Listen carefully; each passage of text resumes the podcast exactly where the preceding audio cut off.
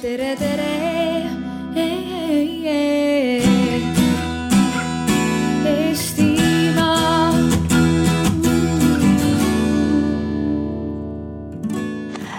nii lugupeetud publik, mulle öeldi, et tegelikult me peame olema akvaariumis ja rääkima omavahel ja teie justkui olete siin äh, vaatlejad, aga ma arvan, et äh, noh, kuna ma tulen Ida-Virust, nagu saate aru, ma ei oska reeglite järgi kogu aeg käituda, nii et kohe palun vabandust ja tahaksin tervitada kõiki, kes vaatavad meid Facebooki kaudu. mina olen Jana ja ma arvan, et täna mul on kõige parem seltskond siin koos nii akvaariumis kui ka akvaariumi ümbruskonnas. nii et äh, kui te olete seal äh, kuskil ekraani taga, palju õnne, sest teile ei vedanud nii nagu meil. aga kõigepealt ma tahaksin küsida, kui hästi te üleüldse teate või tajute Ida-Virumaad? Need on minu lemmikküsimused. Nii et kõigepealt kontrollime, et mis te arvate. Äh,. Kumb on kaugemal Tallinnast, kas Tartu või Narva? Ja kui te arvate, et on Tartu, siis on punane. Ja kui te arvate, et õige vastus on rohe, on Narva, siis on roheline, nii et mis te arvate, kumb on, kumb on äh, liigile? Või ei, ei ärge siin. Kas, kumb on lähemal, kas Tartu, see tähendab punane või Narva, see tähendab roheline? lähemal või kaugemal? Lähemal. Tartu on lahe. ja põhimõtteliselt nad, te olete kuidagi liiga hästi ette valmistanud, okei okay.. ja kahjuks Tartu on nat-, nats lähemal. aga noh, uute, uute rongidega on praegu okei okay.. Aga siis te, aga teeme siis kohe niimoodi äh,. see on liiga, liiga lihtne. okei okay., mis te arvate, mitu protsenti SKP-st annab Ida-Virumaa Eestisse? Äh, ütleme niimoodi, võtame sihikuks kümme protsenti. kumb teist, kui te arvate, et on vähem, siis on punane, kui te arvate, et on rohkem, siis on roheline ja kui te ei arva midagi sellest, sest skp tundub liiga imelik number, siis valige kollast. kui, kui on vähem kui kümme, siis on punane, kui on rohkem kui kümme, siis on roheline muidugi, mis aasta? kaks tuhat üheksateist. okei siis on nii. ja kunagi oli, et Ida-Viru andis rohkem kui kümme protsenti, kahjuks praegu on natuke vähem. Ta ligi, ligikaudu kaheksa protsenti. aga see tähendab, et meelsus Ida-Viru vastu on, on väga hea. näete, te arvate, et ikkagi Ida-Viru panus Eesti majandusse on väga oluline nii et nüüd on mu, ma arvan, et õige aeg, et ma tutvustaksin, kes siin minu akvaariumis äh, täna hakkavad teie jaoks midagi arutama. kõigepealt mul on suur au esitada teile Ivo Posti, kes on Narva muuseumi direktor. Vot, meil on kõige parem publiku esindaja, see oli väga õige ettepanek. nii, siis on meil riigi esindaja. Riigi tugistruktuuride keskuse mingi talituse juhataja Lauri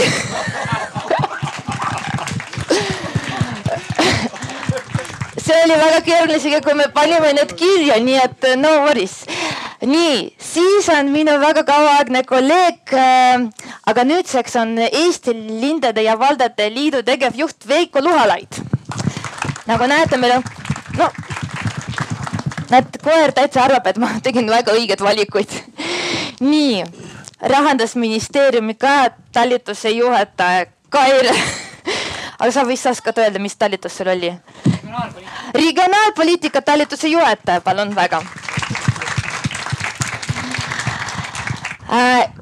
Ida-Viru ja minu lemmiklinna Kohtla-Järve suur, kõige suurema tööstus, tööstusettevõtte juhatuse liige Meelis Eldermann VKG-st. Ja kuna mu elu oli väga imelik, et mingi, mingil hetkel ma otsustasin äh, äh, kohaliku omavalitsuse ja maavalitsuse tegutsemisest äh, kuidagi hüpata startup maailma, sest minu uus väga hea eeskuju startup maailmas, Priit Salumaa, Moon Cascade'i asutaja. Ja meie arutelu toimub niimoodi, et ma palusin kõiki osalejaid natuke mõelda, mida võiks Ida-Virus teha. ja nagu te võib-olla mäletate, tegelikult iga aasta Arvamusfestivalil on olemas Ida-Viru teemaline arutelu. ja üsna tihti sinna on kutsutud kas poliitikud või inimesed, kes töötavad Ida-Virus või need, kellel on Ida-Virus mingid erihuvid, ütleme nii. Nad on väga head, aga tavalised inimesed, kellel on personaalne huvi ja see aasta me mõtlesime, et aga teeme kuidagi teistmoodi, et oleksid arutelusse kaasatud need inimesed, kes ei ole igapäevaselt Ida-Virus. ja prooviks samamoodi nagu teil oli võimalus midagi mõelda, kui hästi Ida-Viru on seotud terve suure meie riigiga. kuidas inimesed väljaspoolt Ida-Virut äh, näevad Ida-Viru kaasamist või, või näevad Ida-Viru arengut meie kõikide hüvanguks. nii et äh, iga, igaüks teeb kõigepealt äh, oma visiooni tutvustuse ja siis me saame sellest arutada. palun lugupeetud äh, inimesed, kes on, kes te olete väljaspool seda imelikku, imelikult koos kajavat äh, akvaariumit. kui teil on küsimus, siis andke kohe kuidagi mulle märku, te võite isegi punasega mulle lehvitada, siis ma natuke saan aru. ja meil on olemas lisamikrofon teie jaoks. nii, aga kõigepealt me alustame kultuurist. ma teen teile ka sellise tutvustuse, et äh, on olemas üks ülevaade, mida tegi paar aastat tagasi sotsiaalministeerium, et miks inimesed kolivad ühest või teisest piirkonnast. Ida-Virust, näiteks Hiiumaalt, miks inimesed kolisid ära? kõige kõrgem nagu see skaalas kõige suurem oli, et äh, töökohtade puudus. Ida-Virus kahjuks on ka see olemas, ei ole nii kõrge, ei ole nii kriitiline nagu Hiiumaal aga mis oli Ida-Virus väga selgelt eristuv, et Ida-Virus näidati inimesed, et mitte ainult töökohtade puudus ja vastavate palga või soovitud palgatase ei vasta äh, ootustele, vaid ka meelelahutuskohtade vähesus, huvitegevuse vähesus ja kohalike omavalitsuste poolt pakutavate tugiteenuste vähesus. Nii et sellepärast me ei vaatle siin ainult tööstust ja ainult ettevõtlust, vaid ka kogu elukeskkonda. nii et Ivo, palun, kuidas sina arvad, et äh, Ida-Viru peaks edasi minema just kultuuri aspektis? tere kõigile ähm, no kõigepealt ma pean muidugi ütlema, et äh, minu kogemus ja igapäevane elu põhiliselt ju möödub Narvas. see tähendab seda, et äh, Ida-Viru laiemalt jääb võib-olla minu jaoks natukene liiga suureks, et ma saaksin võtta Kohtla-Järve või, või Sillamäe või, või teiste alade osas ähm, sõna aga ma arvan, et kultuur ja tegelikult kultuur kõige laiemas äh, mõttes on tegelikult kindlasti üks arenguvedureid. selles mõttes, et ma ei mäleta, kes tõi väga õigesti välja, et, ähm, et äh, vähemalt äh, Narva puhul on olnud kuidagi selline väga monomõtlemine, et noh, oli tööstus. noh, nüüd järgmine on siis turism või, või siis jälle tööstus, et alati mõeldakse sellist banaanivabariiki natukene, et, et alati peab see üks põhivedur olema, mis on tegelikult minu meelest täiesti vale suhtumine. sellepärast, et äh, tänapäevases maailmas sellise banaanivabariigi kokkukukkumine on väga kiiresti ja kergesti tulemas. niimoodi, et riske tuleb hajutada ja kultuur tegelikult kõige laiemas plaanis peaks olema üks veduritest. ja ma rõhutan siin seda, et ma loodan vähemalt, et pärast tuleb sellise natukene laiem arutelu, et et äh, kultuur laias plaanis tähendab just seda, et kui me võtame praegu muuseumid, siis tänapäeva muuseumid ei ole sellised kohad, kuhu paneme asjad välja, käige vaadake, sildid on juures, keegi ei seleta. tahate midagi rohkem teada saada, tellige giid ja kogu lugu, et muuseum nagu rohkem millegagi ei tegele. et muuseum on mäluasutus ja mälu hõlmab tegelikult ka seda, et tegeletakse kohapealsete inimeste mentaalsuse ja vaimsuse ja, ja sellise üldise arusaama ja noh, ütleme siis kodanik kodanikuühiskonna arendamisega. et eh, selles mõttes ma arvan, et kultuur on kindlasti üks asi, kuidas peaks Narvat, Sillamäed, Kohtla-Järvet, tervet Ida-Virut nii-öelda arendama. ja, ja, ja mis annaks väga tugeva aluse ja ma kasutan kohe selle võimaluse ära, et öelda ka sellise asja välja, et ähm, Narva ei saanud küll kultuuri pealinnaks sel korral. aga, aga juhuslik apsakas, ma arvan. ma arvan, et see ei olnud juhuslik, see oli täiesti mõistlik apsakas võib-olla. kuigi mulle see ei meeldi, aga noh, tuleb tõele näkku vaadata, aga eh, nii nagu Tartu omal ajal kaotades Tallinnale, on tegelikult osad sellised kultuurivedurid ja, ja, ja niisugused ehm, natukene laiemas plaanis vedurid praegu selga kokku löömas Narvas. meil oli just omavaheline kokkusaamine ja tahaks loota, et septembris kusagil me ütleme välja selle, et moodustub noh, nimetame siis seda Narva kultuuriklastriks, kes hakkab väga tõsiselt tegelema nii praeguse, mis oli siis see Narva mm, kultuuripealinna raamatus toodud ürituste ja ettevõtmiste elluviimine kui ka väga tõsiselt eest vedama väga pikka projekti Narva kultuuripealinnaks järgmine kord. absoluutselt. ja, ja noh, me räägime ju kümme pluss aasta projektist, nii et ma arvan, et see on väga äge asi, mis meil praegu sünnib, seal on kolledž, muuseum äh,, integratsiooni sihtasutus äh,, Äkkeküla spordikeskus ja me kõik lööme seljad praegu loodetavasti väga kiiresti kokku, hakkame väga tõsiselt tegelema sellega, nii et üks, üks äge asi on sündimas. eks see tähendab seda, et sinu arvates nagu peamine asi, mis peab nüüd äh, Ida-Virus sündima, on äh, kultuuriklaster selleks, et äh, asjad edasi kuidagi liiguksid? ei, ma tooksin võib-olla niimoodi välja, et üks peamistest asjadest, mis peab Ida-Virumaal sündima, on selline laiem kultuuriarendusklaster või jah? Üks peamistest, mitte peamine. mis oleks selle klastri eesmärne ülesanne, et äh, kuidas, kuidas, edendada nagu, kuidas see klasteri tegevus jõuaks päris inimesteni, päris elanikeni? see on tegelikult äh, ühtepidi hästi keeruline küsimus, aga teisipidi väga lihtne, sellepärast et üksiti tegutsedes me kõik ajame nagu oma vagu ja väga tihti selles sellises vao ajamises, noh, kui ma räägin kasvõi muuseumist. praegu tegelesime rekonstrueerimisega, me saime praegu uue püsinäituse valmis, sihuke higimull on otsas, pühime selle higi ära, nüüd läheb Läänehoovi rekonstrueerimiseks, eks ole. aga oleks vaja nagu see korraks see pea üles tõsta, vaadata üles, mida teised sellel põllul teevad ja, ja panna seljad kokku, arendada nagu laiemalt, et, et väga kerge on see fookus minema liiga kitsaks ja liiga nagu ühte kohta. ja siis, kui see laiemaks tõmmatakse, siis jõuab see ka inimesteni. me Ma..., me oleme väga tihti omas mullis, muuseum on väga tihti oma mull, istume seal oma linnuses, sihukeses nagu allveelaevas teeme seal näituseid ja kõike muud, aga, aga mis sest nii nagu siin eelmises paneelis arengukavade kohta just esitati, et, et arengukava üks põhilisi asju tegemisel on ju see põhiküsimus, milleks ja mis mõju sellel peab olema mm, -hmm. milleks me seda teeme. ja vot see milleks kipub ära kaduma, et ajame oma tulusid taga, et külastajaid rohkem oleks, tegeleme kogu aeg nende numbrite ja tulemustega, aga, aga lõpuks, mis selle mõte siis on?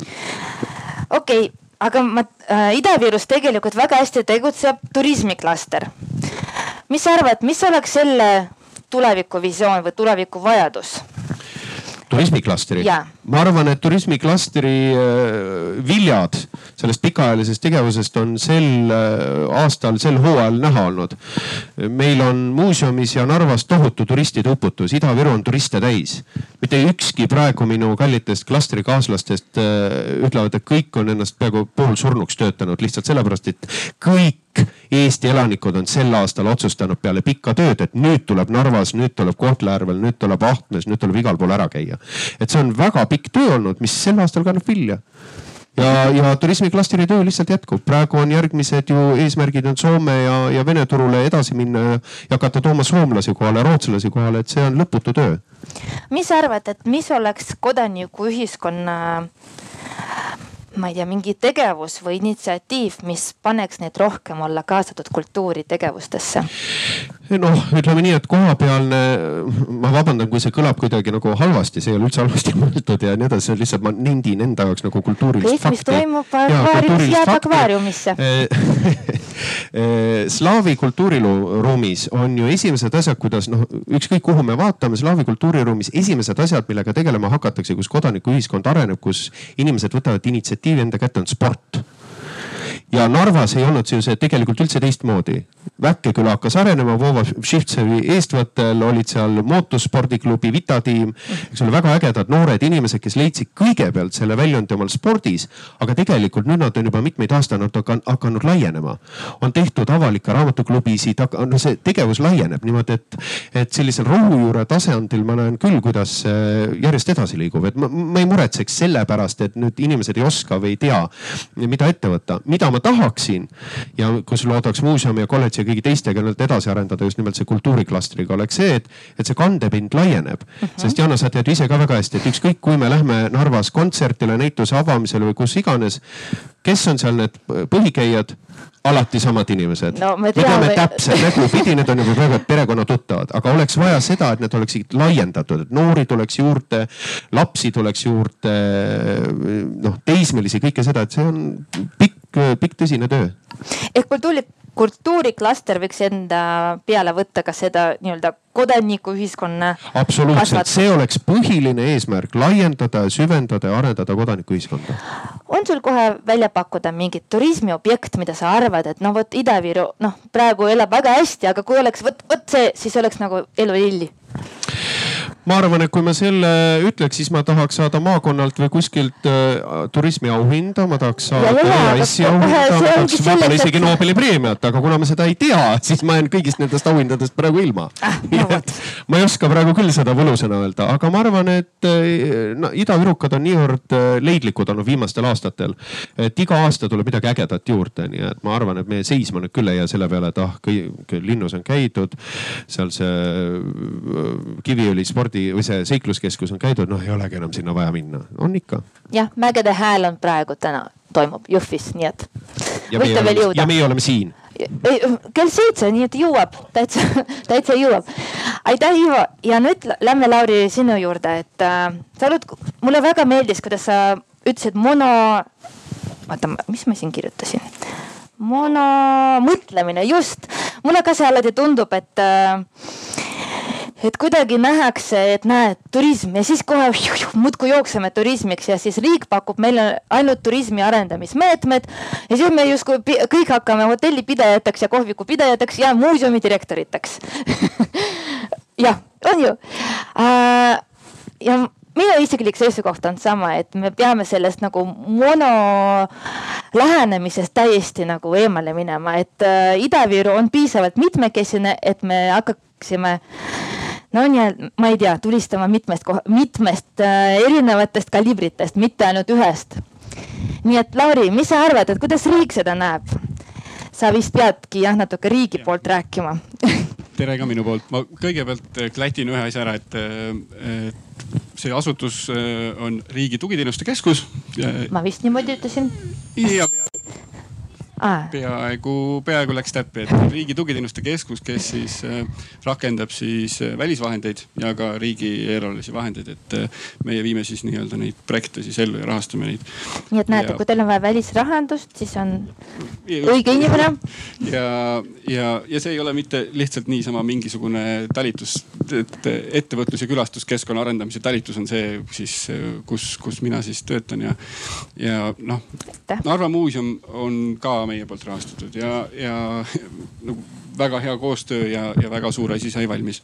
samamoodi noh, juba siin mainitud Kiviõli seikluspark või, et tegelikult me oleme ju käesoleval rahastusperioodil sada viiskümmend kuus miljonit eurot Ida-Virumaale nii-öelda pannud ja noh, neid, see, see, see koht, et, et me ei saa nagu ühte sektorisse panna, see on just see kõige õigem äh, see mõte, et, et toetan igati seda, et me peame kõiki valdkondi arendama ja võrdselt ja noh, praegu äh, seda raha, noh mõned numbrilised näited on ju. Äh, koolivõrgu ümberkorraldamine nelikümmend üks miljonit. see oli ka selle saja viiekümne kuue miljoni sees. just siis äh, Ida-Virus linnapiirkondade arendamine äh, kakskümmend viis miljonit peaaegu. piirkondade konkurentsivõime tugevdamine äh, kakskümmend kuus miljonit. kakskümmend üheksa ei olnud. ei, kakskümmend. kui planeeriti, siis oli kakskümmend üheksa. jah, just kõik pole veel valmis. et ah,, okay. et, et, et tegelikult seda raha nagu noh, on need turismiobjektid, tööstusalad on ehitatud, noh kergteed, sinna juurde veel noh, kogu elukeskkonna asjad on ju ja haridus. et noh, see, mida teha Äh, see peabki tulema koha pealt. Äh, mina toetan äh, kahe käega seda, et kohapealsed inimesed ütlevad, mida tuleb teha ja kuidas tuleb teha ja riik siis peab leidma, mis noh, tegelikult leiabki need võimalused ja vahendid, kuidas seda siis kõike ellu viia mm. -hmm. Kas sa oled nõus sellega, mida Ivo ütles, et äh, me oleme Ida-Virus justkui igaüks omas mullis, et kuidas, kuidas teie nagu väljaspoolt näete, et kas on aru saada, mida Ida-Viru vajab või tahab? kui ma loen äh, Ida-Viru viimast äh, strateegiat, siis ma saan väga hästi aru, et te teate täpselt, mida on vaja teha. Ja kõik äh, need ideed väärivad elluviimist, et kuidas sa ise hindad, mis on nende saja viiekümne kuue miljoni euro sees oli, oli kõige ägedam või edukam või noh projekt või tegevus, mis sa ise arvad, et ütled, no vot väga hea, et seda me suutsime ära tehtud küsid, et milline laps on armsam? No võta vahepeal nagu sellised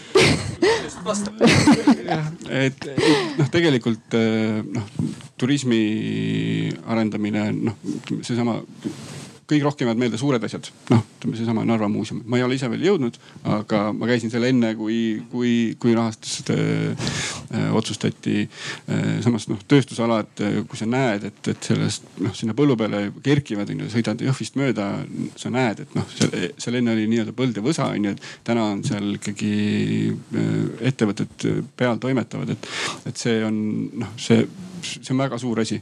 ja noh, lisaks sellele veel ju me tegelikult ju toetame ka neid samu ettevõtteid, kes sinna siis asuvad, onju. et äh, kohtad, äh, saad ettevõttega kokku äh, kuulata plaane ja kui õnnestub seda plaani siis rahastada, et noh sinnasamma Jõhvi parki näiteks Venemaalt käsitööletootjad näiteks tulevad ja, ja või, või, või noh Spartakot või, või noh, mõned teised ettevõtted samamoodi, et kui sa näed, et nad, nad päriselt ka ju tahavad ju areneda ja, ja loovad töökohti, et äh, kasvõi selle äh, tööstusinvesteeringute meetme puhul äh, kolm koma kaheksa miljonit ja, ja tegelikult selle raames ju sada kakskümmend viis töökohta. et noh, see ei ole mitte nagu väike asi ma peaksin ikkagi, ma saan aru, et see, see küsimus võib-olla sulle ei meeldiks, aga ma peaksin küsima, et äh, sada viiskümmend kuus miljonit ja otse loomulikult äh, on veel teised äh, väga hea, et on olemas riigi poolt loodud meetmed ja tugiteenused. ja tõesti ettevõtlusse noh, kõik õnneks juba näevad, et Ida-Viru majandusstruktuur peab olema ümber struktureeritud, äh, uut ettevõtlust peab tulema. miks ikkagi Ida-Virus on jätkuvalt ettevõtluse tase on kõige madalam terves riigis, mis sa arvad? ettevõtlusaktiivsus. ettevõtlusaktiivsus on jah, et äh, lihtsalt äh, publikule ka teadmiseks, et äh, jah, kuskil juba viisteist aastat järg noh, kõik saavad aru, et äh, asjad on muutu-, muutumas, Ida-Virus ettevõtlusaktiivsus kasvab, aga ikkagi me see kahvel äh, Eesti keskmisest ja Ida-Viru ettevõtluse aktiivsuse tasemest kahjuks kasvab. nii et meie mitte kuidagi ei jõua Eesti keskmise järgi, et äh, mis sa arvad, et noh, nii, nii palju meetmeid, vaata, sa näed kõik need aruandeid, sa näed kõik need numbreid, et äh, ma tõesti ajaloo tausta osas ma ei, ma ei oska öelda, miks see sellise, selline on, aga, aga samas me sinna sekkume ka ja, ja, ja päris tugevalt, et, et maakondlik arenduskeskus äh, väga hästi selle noorte ettevõtlusaktiivsusega tegeleb ja, ja noh, seda me ka rahastame, on ju, et, et see, ma arvan, et noh, kui me keskendume sellele, miks see nii on, see võib-olla ei, ei, ei aita meid nii palju edasi, et pigem äh, vaatame tulevikku ja, ja teeme kõik selleks, et, et see tõuseks. väga ilus vastus, aitäh et aga ähm, siis on mul selline alati suur küsimus, et näiteks äh, võtame Narva muuseumit. et äh, kuidas sa hindad, et äh, kas riik võiks välja mõelda sellist toetusskeemi, et ma ei tea, kas Ivo, kas sa mõtlesid seda, et äh, kus need digimullid sa pühkisid ära ühest projektist ja nüüd on kohe järgmine. kas võiks teha niimoodi, et on olemas strateegilised, ma ei tea, suunad või sektorid või kohad ja need, mitte panna neid, miks ma ütlesin, et ettevõtlusraha on kõige lihtsam, sest vahepeal, kui sa elad projektist projektini, siis tegelikult see, see töödünaamika on niivõrd eriline ja keeruline, et minu arust ei annagi inimestel pead äh, tõsta ja natuke arutada oma keskel, mida edasi teha ja kuidas teha. kas on, on võimalik sellist nagu pikemaajalist protsessi läbi mõelda? absoluutselt, noh jällegi äh, maakondlik arenduskeskus, äh, noh täna me tegime otsused, et noh, nii-öelda täna, äh, et rahastus on kindel kuni aastani kaks tuhat kakskümmend kolm on ju. noh, ma arvan, et see on juba piisavalt pikk aeg, et kui sa neljaks aastaks tead, mida sa teed ja kui su rahastus on, siis see juba ju noh, on, on küll on ju. et või, või põlevkivi kompetentsikeskus on ju, samamoodi. meil on nii-öelda pikaajalised rahastused seal ja, ja see on ju noh ainuõige tee on ju et kõike muidugi ei, ei saa niimoodi rahastada. aga, aga noh, teatud strateegilised öö, otsused on meil juba tehtud ka. okei okay., aitäh, nüüd on järelikult on meil põlevkivi kompetentsikeskus ja me sellele tuleme veel juurde siis, kui me Meeliseni jõuame. aga nüüd ma võtaksin, aitäh Lauri, ma võtaksin Veikot, et me juba rääkisime kergliiklusteedest ja tööstusaladest, mis on kindlasti on ka kohaliku omavalitsuse äh, vastutusala ja samas ka et, kohaliku ettevõtluse toetamine või turgutamine on ka ju kohaliku omavalitsuse huvides. et kuidas sellega äh, kohalikud omavalitsused e-virus saavad hakkama või saaksid hakkama, võiksid saada hakkama? Nii, kõigepealt aitäh kutsumast ja tere, tere kõigile minu enda välja öeldud sõnadega ka, aga võib-olla ma Jaana vastan kõigepealt küsimusele, mis vastuseta jäi. et millest see tuleneb, et ettevõtlusaktiivsus Ida-Virumaal on nii väike? tegelikult eh, siin on päris palju selles mõttes sotsioloogide poolt neid uuringuid tehtud ja ega, ega vastus on ju täitsa olemas uh. -huh. et Ida-Virumaa koosneb suurlinnadest, kus omal ajal nõukogude perioodil toodi sisse inimesi, kes oskasid tehta üht, teha ühte asja.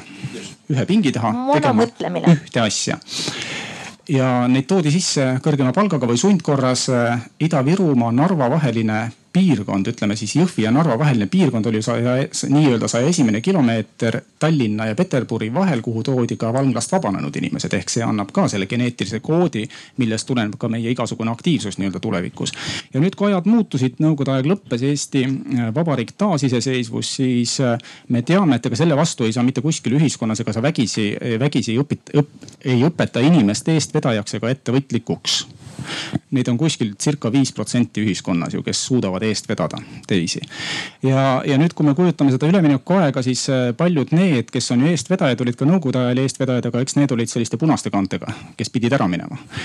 nüüd Eesti poolt sissepoole ju ei tule ega seda ennem kui me pumpa tagurpidi tööle ei pane, et seda inim, inimest, äh, kes on Eestis ettevõtlik, tuleks Ida-Virumaal ettevõtlust arendama. niikaua mitte midagi ka ei muutu, et, et ükskõik kui palju, mitusada miljonit me raha sinna paneme, kõik see on väga hea. See on hästi tublisti tehtud, Narva muuseum ja, ja kõik see muuseumide võrgustik. ideaalne olukord, kaks kõrgkooli ju Ida-Virumaal. Mm -hmm.. noh, väga-väga tublid, tublid panusepanijad. suur asi, mis on tehtud haldusreform, kuigi ma ise isiklikult olen endiselt, aga ma ei ütle seda välja, aga, aga, aga, aga see tõe, tõenäoliselt ka parandas ka nii-öelda teenuste kvaliteeti üldiselt omavalitsuses, noh, see on tõsiasi, sellega peab nõustuma ja, ja, ja vot siin ongi see põhjus siis, et kui see pump tagurpidi tööle ei hakka, siis see on see ajalooline reaalsus, millest tulenevalt, millise geneetilise koodiga me Ida-Virumaal elame, mitte midagi seal muuta ei saa, juhul kui see pump tagurpidi tööle ei hakka. mis see tähendab sinu mõistes nagu pump tagurpidi, vabandust, ma natuke. Narva-Jõesuu linn eelmise aasta kokkuvõttes äh, saavutas Ida-Virumaa rekordi, kus äh, vähenes circa viis protsenti elanikkond Narva on tavaliselt seda juhtinud, Narvast läheb ära. Kohtla-Järve juhtinud ju. ei, Narva on juhtinud seda tavaliselt ja, ja Kohtla-Järve on kolmas ja, ja, ja vot see on see reaalsus. aga kes ära lähevad? ära lähevad need, kes saavad gümnaasiumi diplomi kätte, kellel eesti keel on suus ja, ja kes ei ole leidnud vastavat eriala siin kohalikus kõrgkoolis, läheb ta Tartusse, Tallinnasse. ja nüüd kujutan ette siis seda olukorda, et kui sul on see äh, Tartu Ülikooli diplom käes, võib-olla on tekkinud ka pere. ja nüüd taas selle ajaloolise taaga juurde, et kui me vaatame ka seda elanikkonna ütleme seda, seda, seda kultuuri, ajaloolist kultuurilist keskkonda.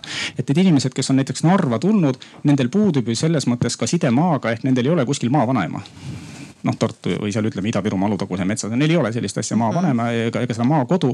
tal on see kahe või kolmetoaline korter ja nüüd, kui see laps, kes on läinud õppima Tartusse, ta lõpetab ära selle ülikooli, ta saab ka vastava eriala leitud siin kohapeal, kas ta läheb sinna kolmandasse tuppa elama oma perega või Narva, et noh ka, ka, ka neid väljundeid ei ole, eks ole, et, et kui ta kuidas tagasi tulla või miks peaks tagasi tulema, ei saagi tagasi tulla. Võtaks laenu, ehitaks maja ei ole võimalik, sest telliskivi poes maksab rohkem kui Ida-Virumaal telliskivi seina pannes. noh, et mm. ka see, see, see on ka suletud ring. nii et vot siin on, siin on need probleemid. Okei okay,, aga võtame nagu Lauri meid juba siin õpetas, vaata, et ei vaata nii palju ajalugu, vaatame ikka tulevikku, mis on sinu visioon, kuidas me saaksime sellest, seda pumpa panna tööle. kõik asjad, mis sa räägid, ma tegelikult tean isiklikult ka väga hästi, vaata ma ise elasin ka Mäetagusel, mis on väiksem koht, mis justkui oli vahepeal Eesti kõige rikkam vald, nii et meil olid võimalused, aga ikkagi inimesed läksid ära. samas meil oli alati rekord, Mäetagus alati hoidis loomulikku iivet positiivset, nii et me oleme väga tublid olnud. aga ikkagi elanikkond vähenes. mis sa arvad, mis, kuidas seda pumpat ikkagi päris tööle panna? no päris tööle panna, no siin on hästi palju neid meetmeid, mida me oleme äh, rääkinud ja võib-olla seda on hästi palju ka leierdatud alates äh, Marko Pomerants oli siis siseminister, kui see Ida-Viru tegevuskava äh, tegemine algas ja, ja neid vestlusi, jutuajamisi, koosolekuid on nii tohutult palju olnud ja siin võib-olla mõned meetmed unustan ka ära, aga põhiline on see, et kui ma pihta. jah, et kui ma pihta, hakkan pihta sellest, et, et, et ütleme Euroopa või Eesti riigi poolt tulnud raha Ida-Virumaale, kas turismi või ettevõtluse arendamiseks on väga hea. see on kahtlemata väga-väga hästi õnnestunud projektid. nüüd, aga mida teha sellega, nagu ma ütlesin, et sul ei ole võimalik laenu saada, sul ei ole võimalik laenu saada korteriühistus, ühistus soojendamis, soojustamiseks. sest seal on, seal on nüüd kaks probleemi, üks, et pank ei anna raha, sest see on, ei ole likviidne see vara, millesse sa paigutad selle laenu ja teiseks on see, et hästi suur hulk selle esimese probleemi tõttu, kuna inimesed lahkuvad ära, on jäänud neid pensionäre, kes ei ole noh huvitatud väga pikaajalise laenu võtmisest ja nende, neid ei huvita see kinnisvara väärtuse parandamine. vaid et, et võimalikult odav äraelamine. nii et kuidas muuta seda, et on võimalik noh pangad finantseeriksid finantseeriksid nii ettevõtlust, ettevõtlusega sama lugu, ega ettevõtlus ei saa ka laenu seal. kui ka nii-öelda elukeskkonna, inimese enda, mitte nüüd selle sellise kultuurilise elukeskkonna, vaid enda elukeskkonna parandamiseks. teine asi näiteks noh, et ütleme see residentsus ja, ja sellised teemad, hästi ideaalne asi ära tehtud, aga nüüd tulevad pangad sekkuvad jälle vahele arvet avada ei saa, eks ole, kui Venemaalt tahad tööstusparki ettevõtjat, siis arvet avada ei saa meie pangas, noh ilmvõimatu, töötaja, ettevõtja ei tule siia jälle vaja riiklikku sekkumist, tähendab nagu, nagu hästi palju anname seda raha sinna kohapealseks selleks tegemiseks, aga siis teine, teine vot, vot see teine, teine värav sulgub, kust enam nagu edasi tulla ei saa kolmas, kolmas moment, elukeskkonna parandamine, sellega on, selles on hästi palju ära tehtud, aga äh, sa Jana ütlesid ka ühe väga õige asja ja tegelikult ongi, et see elukeskkond hästi-hästi tore, nendes kohtades on hästi tore käia, muuseumid ja need kooskäimiskohad ja kasvõi, kasvõi Roo seal Narvaski ja. ja nüüd äh, reaalsest elust äh, üks üritus oli, see oli vist Suurbritannia saadiku vastuvõtt Narva kolledžis, mis algas seal noh päevasel ajal. ja et siis õhtul kell kuus pidi algama teine üritus, ma enam ei mäleta, millega seoses see oli, aga noh pilt on meil Ida-Virumaal siis selline, et me oleme seal umbes sada, palju, sada viiskümmend inimest on kutsutud sinna vastuvõttu, me oleme seal ära ja et siis kell, kella poole kuue hakkab sebimine, kõik need vastuvõtud vaatavad kella, kõik need inimesed lähevad ära.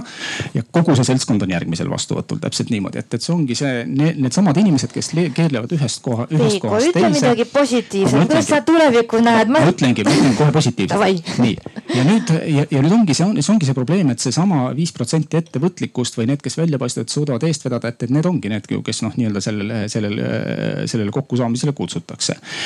nüüd kuidas seda, kuidas võiks seda olukorda parandada, mitte midagi pole teha sellistes piirkondades, me peame vaatama naaberriikide või Euroopa teiste riikide eeskuju, näiteks Rootsi. Ülo no, äh, Rivo Noorkõiv on kaks tuhat kaheksa vist oli see või, mingil ajal ühe uuringu teinud, et, et võrreldes siis Eesti ja Rootsi omavalitsusi nende noh igasugustest aspektidest tulenevalt.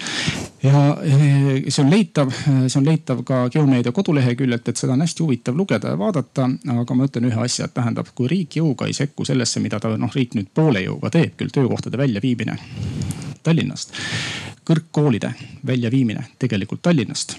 see, no seda tehakse, seda tehakse poole jõuga ja, ja miks ma ütlen poole jõuga, et, et selge see, et ei, ma parem ei kommenteeri sest ma ei ole enam, ei ole enam selles ametis. aga ühesõnaga ma saan aru, miks ei ole, ei ole väga õnnestunud aga, aga tegelikult, kui sellega selgelt ei tegele, siis eh, noh, mitte midagi seal ei muutu. me muutume reservaadiks, kus tegelikult Ida-Viru turismiklaster väga hästi tegutseb, toome inimesi korraks suvel vaatama sinna ja siis talveks jääme pensionäridega koos jälle elama sinna nii kauaks, kui kaua seda elu on. aga see ei ole noh, ütleme, et ta nüüd ei oleks nagu nii väga lootusetu, et, et eh, Rootsi on väga hea näide, kuidas nii Põhja-Rootsi, Põhja-Rootsi alad on asustatud töökohad kohe inimeste juures ja noored välja liiguvad küll, aga mitte niivõrd suures ulatuses. ja meil on nagu absoluutselt vastupidine situatsioon, kusjuures meie riik on tunduvalt territoriaalselt tunduvalt väiksem. ehk see Narva ja Tartu Tallinnast ei ole üldse kaugel, aga millegipärast pumbad töötavad tugevamini. nii et äh, ebaõnnestumine Ida-Viru jaoks oli see Sisekaitseakadeemia toomine Ida-Virusse, mis oleks toonud tegelikult sinna keskkonda väga palju eesti keelt kõnelevaid, riigi tulevikus riigiteenistuses olevaid õpilasi, üliõpilasi ja ka nii-öelda õppejõude ja ülikoolidel oleks natukene seal piirkonnas olevatel ülikoolidel ka kergem. õppejõud annavad, üldained on ikka samad, et selle asemel, et kahte ainet tulla, kahte tundi tulla nädalas andma Tartust, oleks kolmes ülikoolis võimalik anda need üldained ja ka kohapeale jääda ka õppejõududel. aga noh, jutt läks pikaks vist ja Veiko, ei läinud pikaks, aga ma ei saanudki sinu käest vastust, et mis oleks see sinu arust ikkagi. näed, Ivo paneb kultuuriklastri tegutsema nii et juba kõik on, kõik inimesed näevad, kuulavad, mida sina võiksid teha. et ei ole see asi nii kurb selles mõttes, et on, on veel hullemaid asju. ei, absoluutselt kurb ei ole. aga ma tahaksin, see on väga hea, et sa hakkasid rääkima Sisekaitseakadeemiast, sest minu arust on see väga hea point, mis sa tood välja. et ja siinkohal me saame jälle kaasata inimesi. mis te arvate, kas on siin tartukad? vähe. okei okay,, tallinlased. oh, nats rohkem, okei okay., teeme nii, ma tahaksin teie käest siis küsida, kas te oleksite nõus, kui olete nõus, siis on roheline, kui ei ole nõus, siis on punane ja kui ei taha seekord vastata, siis on kollane. sa ju oled ju nii, viime üle Tallinna Ülikooli Jõhvi Tartukas on nii, aga nii, ma näen punane või, või kahtlev. nii. tahak, ahah, kollane, roheline, roheline, roheline. no need, kes kaugel, vaata nad kõik panevad punast, sest nad, et te arvate, et ma ei ulatu. jah, need, kes lähemalt, kõik panevad roheliseks, väga hea. nii et see, aitäh teile. ma tegelikult näen seda väga tihti, et äh, kui me arutame kui riik arutab, et viime mingit asja nii-öelda üle mingi piirkonda, siis tegelikult väga suur vastuseis. sest äh, inimesed on juba harjunud ma pean korraks sekkuma, siin on üks loogikaviga.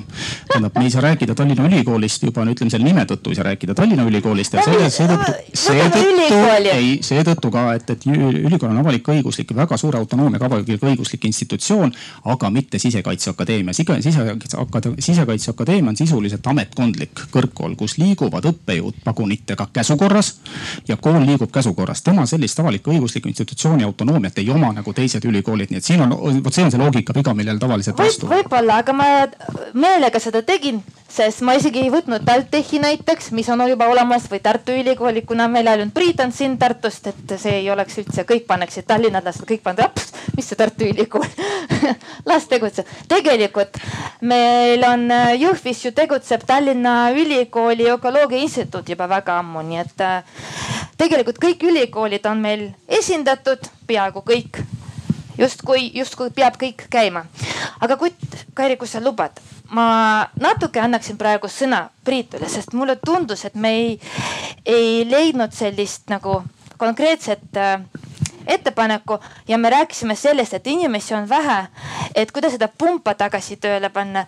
Ja võib-olla Priit hoopis teistsuguse lähenemisega ja väljaspoolt Ida-Virumaad, sa oskaksid midagi öelda siin vastu ja tere, äh, ma olen Priit. tegelikult mu vanemad elavad Otepääl, nii et see on nagu veel väiksem silm inimesi kuskil. Äh, aga jah, ma olen Tartust ähm, ja mul oli paar mõtet, kui sa küsisid, et, et mis mina nagu oma Tartu regiooni kogemusega, sest noh, tallinlane ma ju ei ole, rääkimata berliinlasest või, või londonlasest äh,, oskaks nagu üldse mõelda. ja mul on ausalt hea meel, et ma ei tea kogu seda ajalugu äh,, mis on Ida-Virus, mis on, mina saangi ainult mõelda enda kogemuse pealt äh,, mis Ida-Virus võiks toimuda ja noh, ma natuke vaatasin neid populatsiooni andmeid ja siis äh, ma ehmatasin tegelikult natuke, et ohoh, et, et pane Narva ja Kohtla-Järve kokku ja see on suurem kui Tartu ju pane sinna see Jõhvi ja, ja, ja, ja Sillamäe juurde ja see on kohe palju suurem. Äh, aga teil on seal ju Püssi ja, ja siis on vist Narva-Jõesuu, eks ju. ja siis oli seal, mis seal veel oli, üks väike sihukene linn, tegelikult ju linn. et, et ühesõnaga teil on nagu neid ähm, neid, neid asulaid seal päris palju ja kõik on natuke justkui omas mullis, eks. oli, oli see, oli see sõnum. ühesõnaga mulle tundub, et, tegelikult selles piilkonnal on räige potentsiaal ja, ja mina olen ju selle digimajanduse poolt noh, inimene siin. et, ähm, et mulle tundub, et, et äh, lisaks sellele, et teil on see kohutavalt äge potentsiaal, on teil ma vaatasin aasta kaks tuhat kaheksateist riigieksamite tulemused, noh seal top kahekümnes olid ainult mulle sihuke tunne nagu Narva ja Kohtla-Järve koolid. et noh, ehmatasin lausa ära, sest noh, minu enda riigieksami tulemus jäi sellest keskmisest seal märgatavalt alla matemaatikas ja ma olen ise IT-inimene, johhaidi. et, et see, teil on see ajude potentsiaal just selliste nagu väikeste tehnoloogia, tehnoloogiatiimide jaoks. ja ma mõtlen just sellise nagu tänapäevase kõrgtehnoloogilise tiimide jaoks on kõik olemas. küsimus pole vaja pumba ümberlöömisest, küsimus on lihtsalt see pump vaja välja lülitada teil. mis teil neid inimesi ära saadab sealt.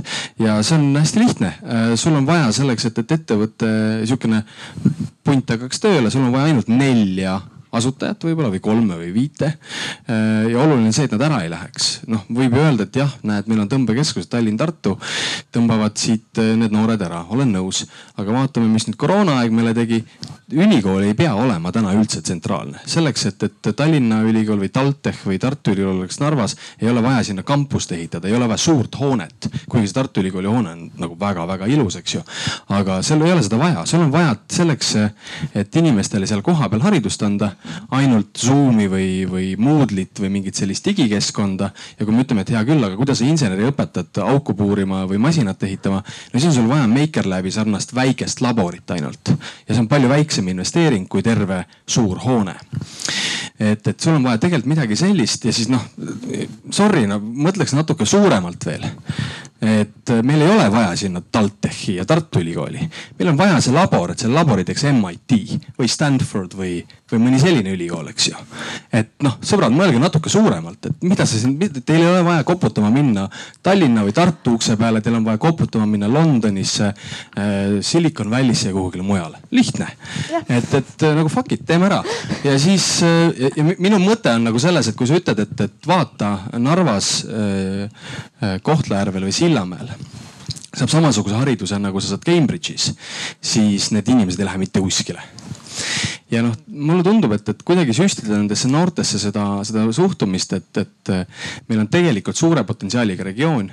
Äh, kultuuriinimesed teevad kõik sellest ära, et, et noh, et, et korduks justkui samasugune nagu supilinna või kalamaja mudel, aga terves maakonnas, eks ju.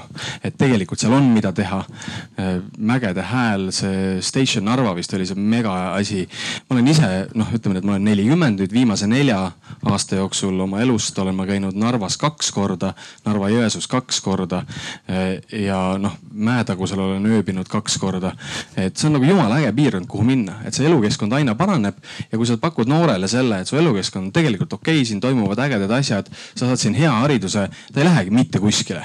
ja kui ta läheb siis ta tuleb tagasi, sest tal on kurat koduigatsus. mina elasin Saksamaal niimoodi kaks pool aastat, tegin magistri, tulin tagasi, tulin tagasi Tartusse, sest sorry, enamus mu sõpru, vanemaid, noh, kõik on seal, eks ju, ja ma olen harjunud selles oma kultuurikeskkonnas elama ja tegelikult oleme ausad, see korter kuskil ei ole mingi kuradi takistus. kui sa oled selline kahekümne viie aastane kutt, sa lähed sinna kolmandasse tuppa nagu meie tegime oma ettevõtte esimese kontori minu vanaema juurde. noh, see ei ole küsimus tegelikult. kõik need on ainult sihuke nagu noh, ütleme nii, et vähem vingumist ja rohkem nagu, et mida me teha saame ja vaatame, kuidas me saaksime noored nagu.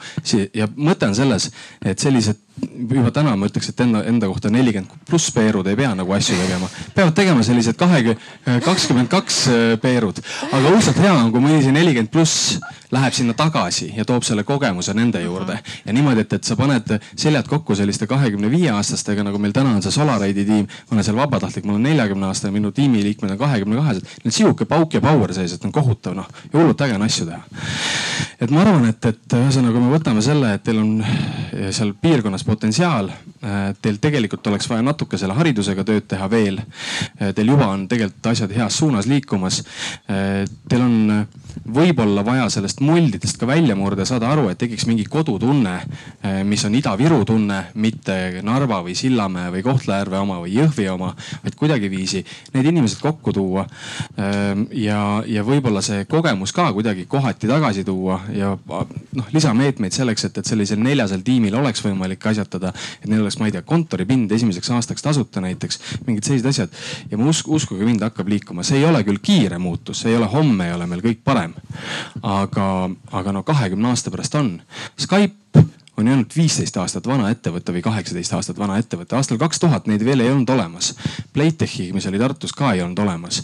Transferwise on ainult seitse või kaheksa vana, et kõik need ettevõtted, mis täna on ja Bolt on ka vist umbes sama kaua ka,. alates kaks tuhat neli vist. jah no,, ei Bolt on, Bolt on uuem, kaks tuhat neliteist võib-olla või, või, või kaksteist või midagi sellist, kaksteist ma pakun. et, et kui sa võtad, et kõik need ettevõtted, mis täna äh, teevad ja pakuvad töökohti, nad on suhteliselt värske tulemus, aga noh, kindlasti rohkem kui viis aastat, eks, et, et kannatust ja positiivset usku, et ma ei oska rohkem midagi öelda no,. küll ma pärast küsin veel, aga aitäh. nii et otse loomulikult mul praegu äh, jah ähm, mul on jah hea meel, et tegelikult riik äh,, ma ise olen ka Narva loomeinkubaatori või tegelikult, mis on äh,, ütleme ausalt, ta oli loodud just iduettevõtluse selliseks raskuspunktiks ehk objekt, me seda nimetasime meelega imeliku sõnaga. ma mõtlesin, et las ta olla alati mingi imel, imelik objekt, et keegi ei saa aru, mis see objekt on, aga noh, me oleme kõik seal kuskil objektis ja muudkui ehitame midagi. aga ja, ja väga hea, et riik tõesti toetas meid ja uskus meisse. aga nüüd on äh, seesama, et mis me rääkisime, et vahepeal on lihtne ehitada ja tihtilugu ise projektijuhina ütlen, et ehitada on kõige lihtsam pärast käima lükata ja inimesi kaasata, vot see on kõige keerulisem ja sinna alati tahaks veel lisatuge. nii et äh, kui objekt äh, edasi elutseb, siis võib-olla ongi hea seal see koht oleks nende nelja äh, neljaliikmeliste tiimide jaoks ja ma tean, et äh, kolledžis on olemas ka selle põlevkivi kompetentsikeskuses ettevalmistatud ruumid ja kolledž, Narva kolledž seda teeb. ja minu arust ka Sisekaitseakadeemia selles praktika baasil, nad kavatsevad ka mingid ruumid tekitada. aga ma veel kontrollisime, kontrollisin numbrit ja iduettevõtlus kokku, iduettevõtluse käive kokku eelmisel aastal oli kolmsada, mis ma ütlesin, üheksakümmend miljonit. aga meil on Ida-Viru minu arust üks ainuke noh, selline hästi eriline koht midagi valesti? Üks, ei, kõik on väga hästi, ma lihtsalt tahtsin kommenteerida, seda raha veel ei olnud kaheksateist või kakskümmend aastat tagasi olemas. just ja see ongi, see ongi see, kuhu ma sihin, no, no, no Boris et äh, aga meil on olemas see erakordne ressurss, mis on, äh, ma arvan, et kindlasti see ei ole põlevkivi see ressurss, vaid see kompetents, mis on kogu selle põlevkivi ümber ehitatud, see kogu see keemia ja kõik. ma ise olen keskkonnafüüsik ja mulle, mulle, minu, minu jaoks oli suur avastus, et tegelikult, kuidas ma oma kõik äh, teadustööd kirjutasin, oligi tegelikult naftatööstuse ja igasuguste muude keemiatööstuse peal, mis olid väga-väga relevantsed kogu meie põlevkivitööstussektoril ja otse loomulikult põlevkivi äh, inimesed abistasid ka väga palju. ja, ja põlevkivisektor annab äh, sada kakskümmend viis miljonit. see on maksutulud. ainult maksutulud äh,. iduettevõtluse maksutulud olid väiksemad, olid mingi üheksakümmend või kaheksakümmend miljonit Meelis, mis sa arvad, et kuidas me saaksime need ühendada seda kõike, sest niikuinii põlevkivi peab moderniseeruma, moderniseeruma ja transformeeruma ja õiglaselt üle minema. meil on olemas iduettevõttes, meil on neljaliikmelised tiimid, mis võib-olla oleksid natuke paindlikumad. kuidas seda sellest nagu tšuh, ja siis kohe pool miljonit äh, aastas meil? ausalt, ausalt mul oli rõõm kuulda siin äh, naabrimeest, et ta ütles, et ta on äh, neljakümne aastane peer, noh, ma olen kuuekümne aastane peer, nii et, et tegelikult see ei tähenda, et äh, nagu jõud või power oleks kadunud ja, ja noh, see ongi väga palju selliste noh, see, see on sümbioos tegelikult nii mm -hmm. kogemuse kui ka siis muutuva keskkonnaga. et no saate isegi aru, et tegelikult ükski ka Ida-Virumaa ega Eesti ei saa ju püsti seista ainult idufirmadel, eks ju. tegelikult kogu majandus on ju üles ehitatud väga struktuurselt, on suurettevõtted, keskmised ettevõtted, väiksed ettevõtted, siis on iduettevõtted ja nendest iduettevõtetest võib tulla ja, ja on tulnud äh, väga suuri ettevõtteid, aga, aga kõik see võtab aega, eks ju. sellepärast äh, tegelikult ühiskond vajab raha, eks ju. ja nüüd Ida-Virumaa kontekstis on ju selge, et äh, rohepööre, mis on sisuliselt poliitiline uus suund, eks ju, tegelikult muudab kogu Ida-Virumaad ja, ja muudab kogu seda paradigma, aga ta ei muuda seda paradigma ainult Ida-Virumaal. las ta olla. Ma vabandan. Ta ei, ta ei muuda seda tegelikult paradigma mitte ainult Ida-Virumaal ta muudab seda paradigma Eestis, ta muudab seda paradigma Euroopas. ta tegelikult muudab kõike seda, millega me oleme täna harjunud, eks ju. ja nüüd on küsimus, et kuidas me sellesse nagu mahutume no, iduettevõtetele võib-olla on kergem, sellepärast et nad saavad tänu sellele kergemalt rahastuse, täiesti nõus. aga Ida-Virumaal tegelikult on kaks asja, mida, mida peaks nagu kogu selle arengu juures nagu arvestama. esimene asi, mida ma ütlesin ka Purfestis, on väga lihtne palve anna mulle leiba, igapäevast leiba tänapäev. see tähendab seda, et kui sul ei ole tegelikult nagu tööd ja leiba nendele inimestele, siis nad lihtsalt lähevadki sealt piirkonnast ära, eks ju. ja teine tegelikult selline noh, minu arvates nagu oluline on äh, aru saada selle paradigma muutusest ja siis ükstaspuha, milline ettevõte sa oled. sa pead tegelikult selle paradigmaga arvestama, arvestama sellega, millised on sinu investeerimisvõimalused, äh, sellega kaasa minna ja siis äh, minnagi ja tehagi neid muutusi oma igapäevases majandustegevuses, eks ju suurettevõtetel on tegelikult praegu keeruline aga see ei ole ainult äh, suurettevõtetel, keeruline on ka keskmistel ja väikestel ettevõtetel, sellepärast investeerimiskeskkond täna on absoluutselt määramatu. sellepärast, et on deklareeritud väga selgelt, et tulemus on rohepöördega kaasnevad äh, muudatused majandusstruktuuris ja ühiskonnas tervikuna, aga millised need täpselt on, tegelikult seda veel ju keegi ei tea, eks ju teatakse üldiseid suundumusi. ma olen päris palju nagu lugenud Euroopa Liidu arengudokumenti, direktiive. noh, sealt on ausalt öeldes selge, millised on need suunad äh, üldisemalt, aga ei ole selge, milline on see Äh, lõppsihi, sihi vahe-eesmärgid, sellepärast et saate jällegi üritage aru saada sellest, et selleks, et saavutada näiteks kliimaneutraalsus kaks tuhat viiskümmend, tuleb meil läbida veel etapid kaks tuhat kolmkümmend, kaks tuhat nelikümmend ja siis alles jõuda kahe tuhande viiekümnendasse. kuigi tänane tehnoloogiline tase ausalt öeldes, ma olen insener mina praegu päris täpselt ette ei kujuta, kuidas see kõik välja näeb, aga ma ei välista seda, eks ju. see on loomulik, see on, see ongi see, mida teevad teadlased, teevad kindlasti iduettevõtted, teevad tegelikult ettevõtted igapäevaselt, eks ju aga lõppkokkuvõttes ma lihtsalt äh, tahtsingi öelda, et, et selle eelmise Eesti äh, kolmekümne viie arutelul oli üks oluline asi puudu ja see puudu, puuduolev asi oli see, et kõik rääkisid sellest, et tuleb selgeks teha, milline on äh, tegelikult selle arengukava või strateegia vajadus. aga keegi ei rääkinud ju sellest, kuidas neid arengukavasid ja strateegiaid koostatakse. aga Eesti kolmkümmend viis on väga selgelt välja öelnud, et see peab olema teadusepõhine ja teadmistepõhine. see tähendab seda, et me ei saa teha lihtsalt nagu õhinapõhiseid või lihtsalt oma usust või soovist tehtavad tehtavaid otsuseid, vaid me peame tegelikult ka tegema seda tõesti teadmiste ja oskuste baasilt, mis meil olemas on. aga noh, mis puudutab eh, põlevkivi ja põlevkivi edasist nagu strateegiat, nagu ma ütlesingi, et väga raske on praegu määrata, mis saab põlevkiviõlisektoriga, aga põhimõtteliselt sellest ju saate kõik aru, et põlevkivienergeetikaga sisuliselt on kõik, eks ju. ja see niinimetatud roheline pööre algas põlevkivienergeetika jaoks kaks tuhat kaheksateist, no see ei olnud üldse raske ette aimata juba kaks tuhat kolmteist, eks ju. miks on läinud nii, nagu ta on läinud, see tähendab tegelikult seda, et Ida-Virumaal kohe-kohe peaks tulema juurde veel töötuid ja mitte vähe.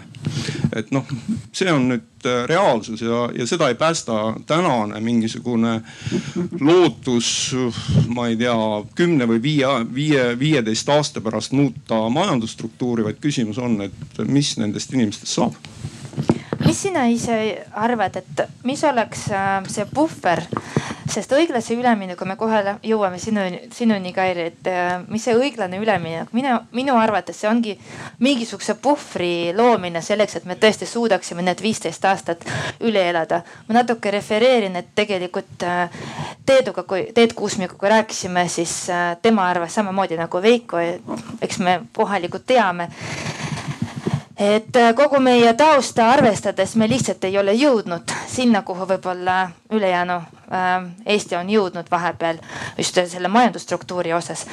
Mis sa arvad, et äh, mida võiks teha, kuidas sina näeksid seda puhvrit, et noh, näed, siin on RTK inimene ja rahandusministeerium, eks kindlasti nad võtavad selle kuulda ja viivad oma kabinettidesse. no tegelikult jällegi, et noh, meie Ida-Virumaa ei ole kuhugi jõudnud, siis no selge on see, et selline inimeste liikumine noh suurtesse linnadesse, see on ju valdav trend kogu maailmas. ega, ega Ida-Virumaa või Eesti ei erine ju selles mõttes äh, kogu maailma üldistest trendidest, et see on paratamatus, see on tänane reaalsus, eks ju. ja miks, noh, ma ei hakka siin võib-olla lahkama, ma võiks selle lahti enda arvamusele seletada, aga, aga ma arvan, et ma hoian teie aega kokku, eks ju. nüüd, äh, mis on äh, õiglane üleminek, noh tegelikult selles sõnas või lauses on ju kaks sõna, õiglane ja üleminek, eks ju lihtne. nüüd tulekski tegelikult riigil nagu ausalt öeldes selgeks teha, et mis see õiglane on ja mis see üleminek on, et riik ei ole oma noh raamdokumentides kehtivad, nagu öeldi, kaheksateist äh, raamdokumenti või strateegiat, mis on riigis välja töötatud. aga ma võin teile öelda, et enamus neist äh, on vanad või ei kehti tegelikult selles uues raamistikus, mis puudutab rohepööret.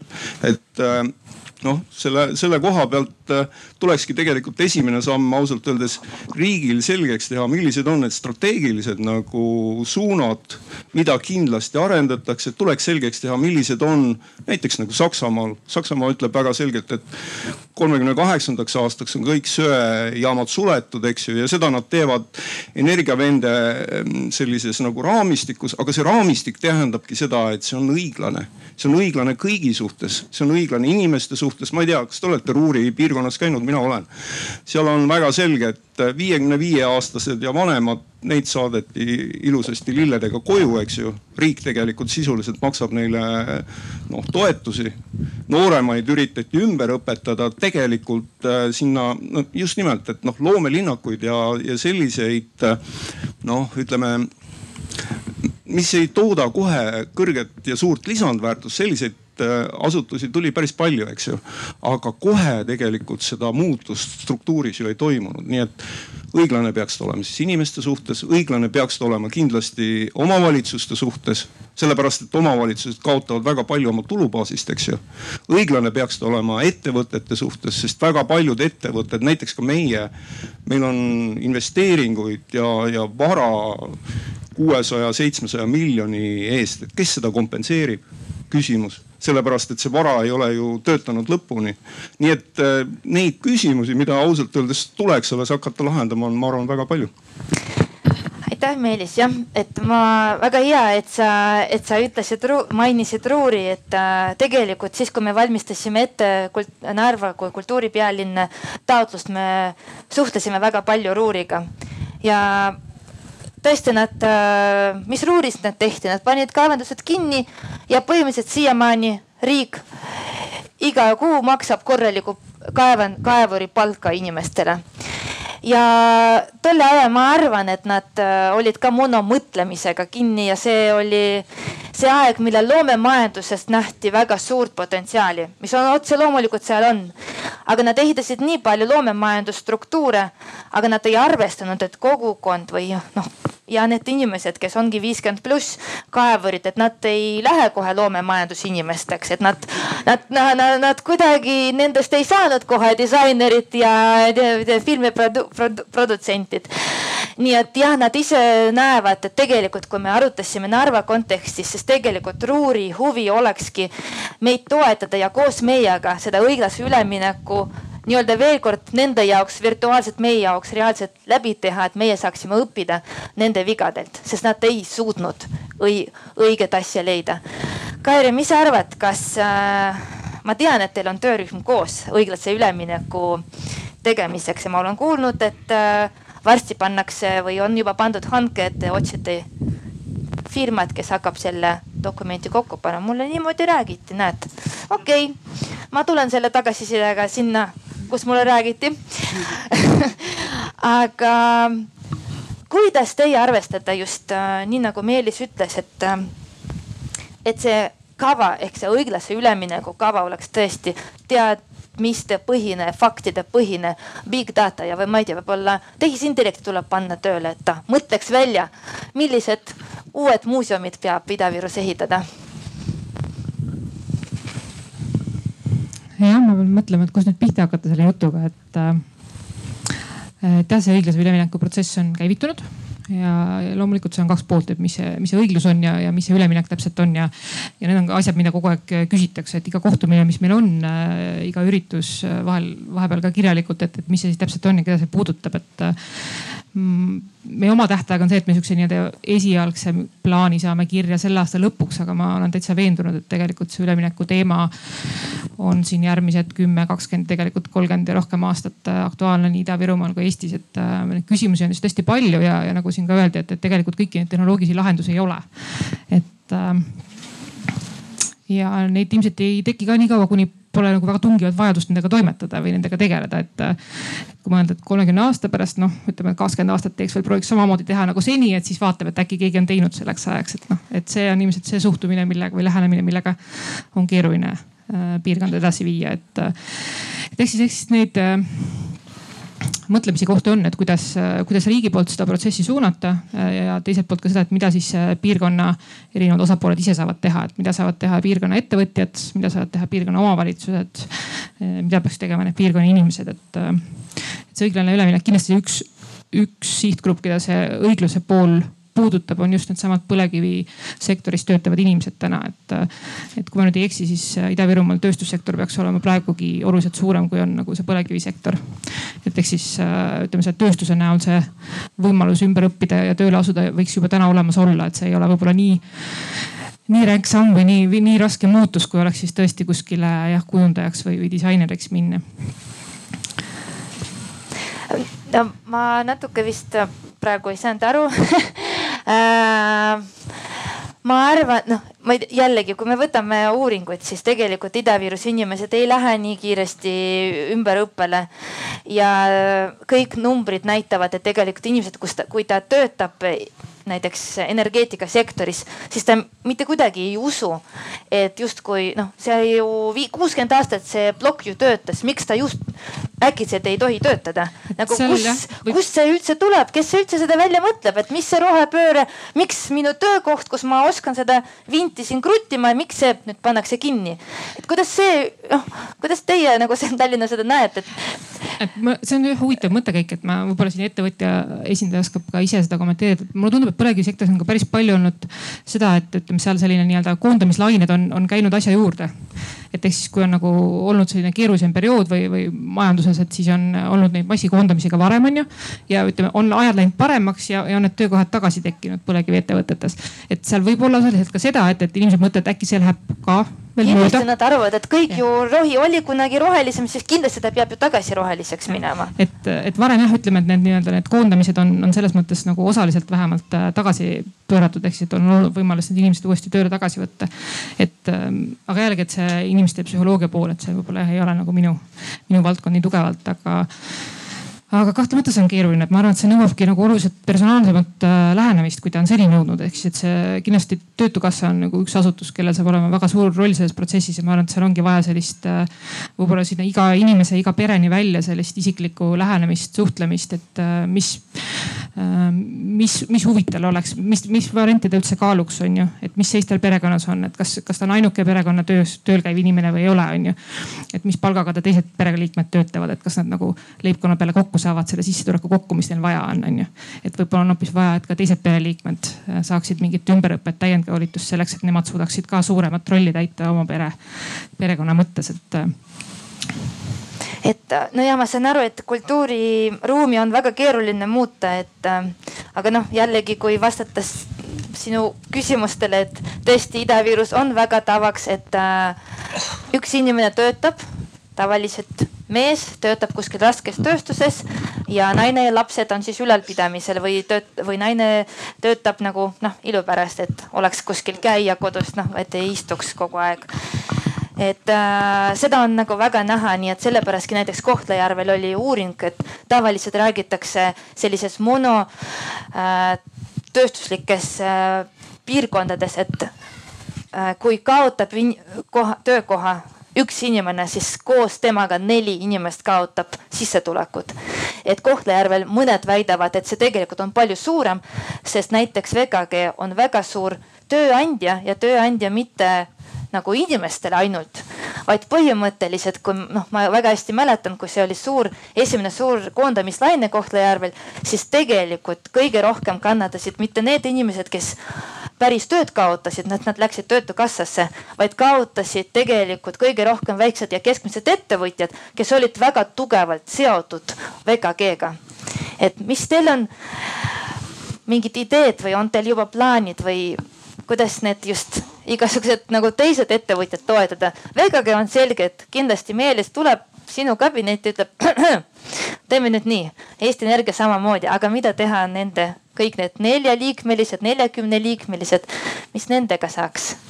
ma lihtsalt kommenteerin seda, et tegelikult see paistab ka praegu silma ka statistikas, et see ütleme sissetulekute jaotus Ida-Virumaal on hästi ebavõrdne mm. -hmm. ehk siis väga palju on neid, kes saavad madalat palka ja nende osakaal nagu kõigis töölkäijates, kes saavad kõrget palka, on väiksem, ehk siis, et see koorem on nagu väga väheste inimeste Jab. kanda. et, et selles mõttes, et ma arvan, et siin tõesti ei päästa see, et kui vaadata ainult põlevkivisektorit ja sest et ütleme, kuna nad on suurettevõtted, siis nad on piirkonna mõttes kõige innovaatilisemad ja, ja ja selle võrra ka suudavad kõrgemat palka maksta. et siin tegelikult tulebki vaadata seda kogu, kogu ettevõtlusmaastikku tervikuna ja seda valmisolekut, et ka need väiksemad ettevõtted oleksid innovaatilisemad, et siin natuke jõuame sinna ka tagasi, millest Lauri rääkis, et, et et ja, ja mida riik saab teha, et, et äh, ma arvan, et väga paljuski neid asju, mida me oleme seni ka juba käivitanud ja, ja ilmselt on vaja neid teha suuremas mahus, et. Äh, et meil on ju olemas samamoodi see tööstusettevõtetele need toetusvõimalused, et nad mhm. saaksid luua uusi töökohti, mis on nagu hea palgaga noh Eesti mõttes selles mõttes. ja meil on olemas tugi selleks, et selle startup'i äh, startup kogukonnad või kogukond areneks Ida-Virumaal, et, et ähm, me Startup Estoniaga koos ongi sihuke Ida-Virumaal ju eraldi, eraldi selline üks põhifookus neil, et kui nad alustasid kaks tuhat üheksateist mhm. alguses, et sa ütlesid, et oli kaks, kaks iduettevõtet, mis oli Ida-Virumaal, et tänaseks on neid üheksa, et, et ma ei tea, et kas pooleteist aastaga on see nagu hea või halb, aga, aga mõne aasta pärast võiks ju olla üheksakümmend on ju, et see. Nagu... meil oli hea plaan juba, et kümme, kümme saaks ühe aastaga, nii et ma arvan, et tegelikult minu loenduse järgi järgi oli neliteist, aga noh, las no, ta olla. et, et Startup Estonia, kui me nendega alustasime seda koostööd, siis nad ise olid sellised tagasihoidlikud, ütlesid no kui kolme aastaga tuleks noh kolm, et siis oleks päris hea, et, et praegu on juba rohkem. et äh, ütleme jah, see äh, tööstus on kindlasti see üks, ma arvan, ka kandev valdkond, mis, äh, mis Ida-Virumaal ka edaspidi on, on tugev tööandja. et seal on ka jah see võimekus, et seal neid erinevaid tööandjaid on rohkem, et ehk siis ka töötajatel on tegelikult paremad võimalused nii-öelda liikuda, leida enda jaoks neid karjäärivõimalusi, paremaid nii-öelda paremat töökeskkonda, meeldivamat tööd. teine on kindlasti see teenuste pool ehk siis seesama siin turismist oli juba juttu ja oli ka sellest, et tegelikult piirkonna inimesed ise tunnevad ka puudust sellest, et oleks, oleks seda melu ja oleks õhtul, kuhu minna ja oleks, mida teha, et see tegelikult käib see teenussektoriga äh, ju kokku, et, et, äh, et et äh, mis ma võin veel välja tuua, et meil parasjagu on käimas koos äh, Ida-Virumaa Omavalitsuste Liiduga see Ida-Virumaa elanike arvamuskorje ja ma natuke piilusin neid esimesi mm -hmm. vastuseid ka, et seal on kuskil kaheksasada vastust on meil esimese kahe nädalaga laekunud, et. et seal oli niimoodi avanguks, et oleks positiivsem mõttelaad, et küsisime ka seda, et mis, et mis on see, mille üle Ida-Virumaa inimesed täna uhkust tunnevad, mis on piirkonnas hästi.